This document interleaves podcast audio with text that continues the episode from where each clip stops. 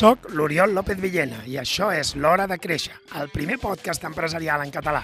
Cada setmana parlem de com desenvolupar estratègies de creixement i executar prioritats per assolir els teus objectius. Segueix escoltant si busques idees, històries i experiències que t'ajudin a gaudir d'un negoci més rendible i divertit de dirigir. Som-hi!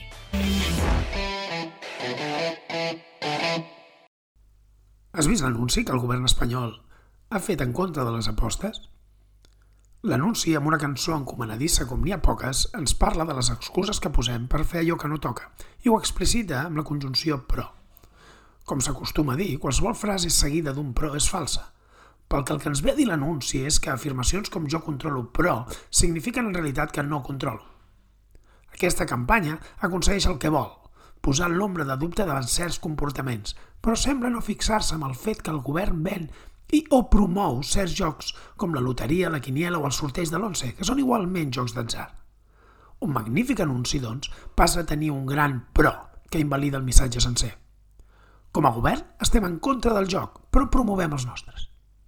Els valors són els principis que regeixen el comportament d'una persona, d'una organització o d'una comunitat.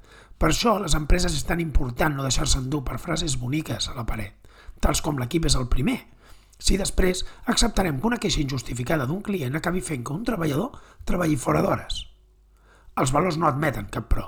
És molt maco deixar-se endur per la verbositat de les xarxes socials i els seus missatges motivacionals, però no serveix de res si no prediquem amb l'exemple. Demanem-nos, doncs, quins valors té la teva empresa? Hi ha cap però? Ens veiem al proper episodi.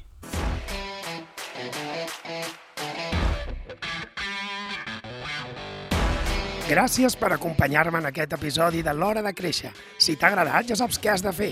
Escriu una ressenya, comparteix-ho amb algú i uneix-te a la comunitat de les empreses proactives.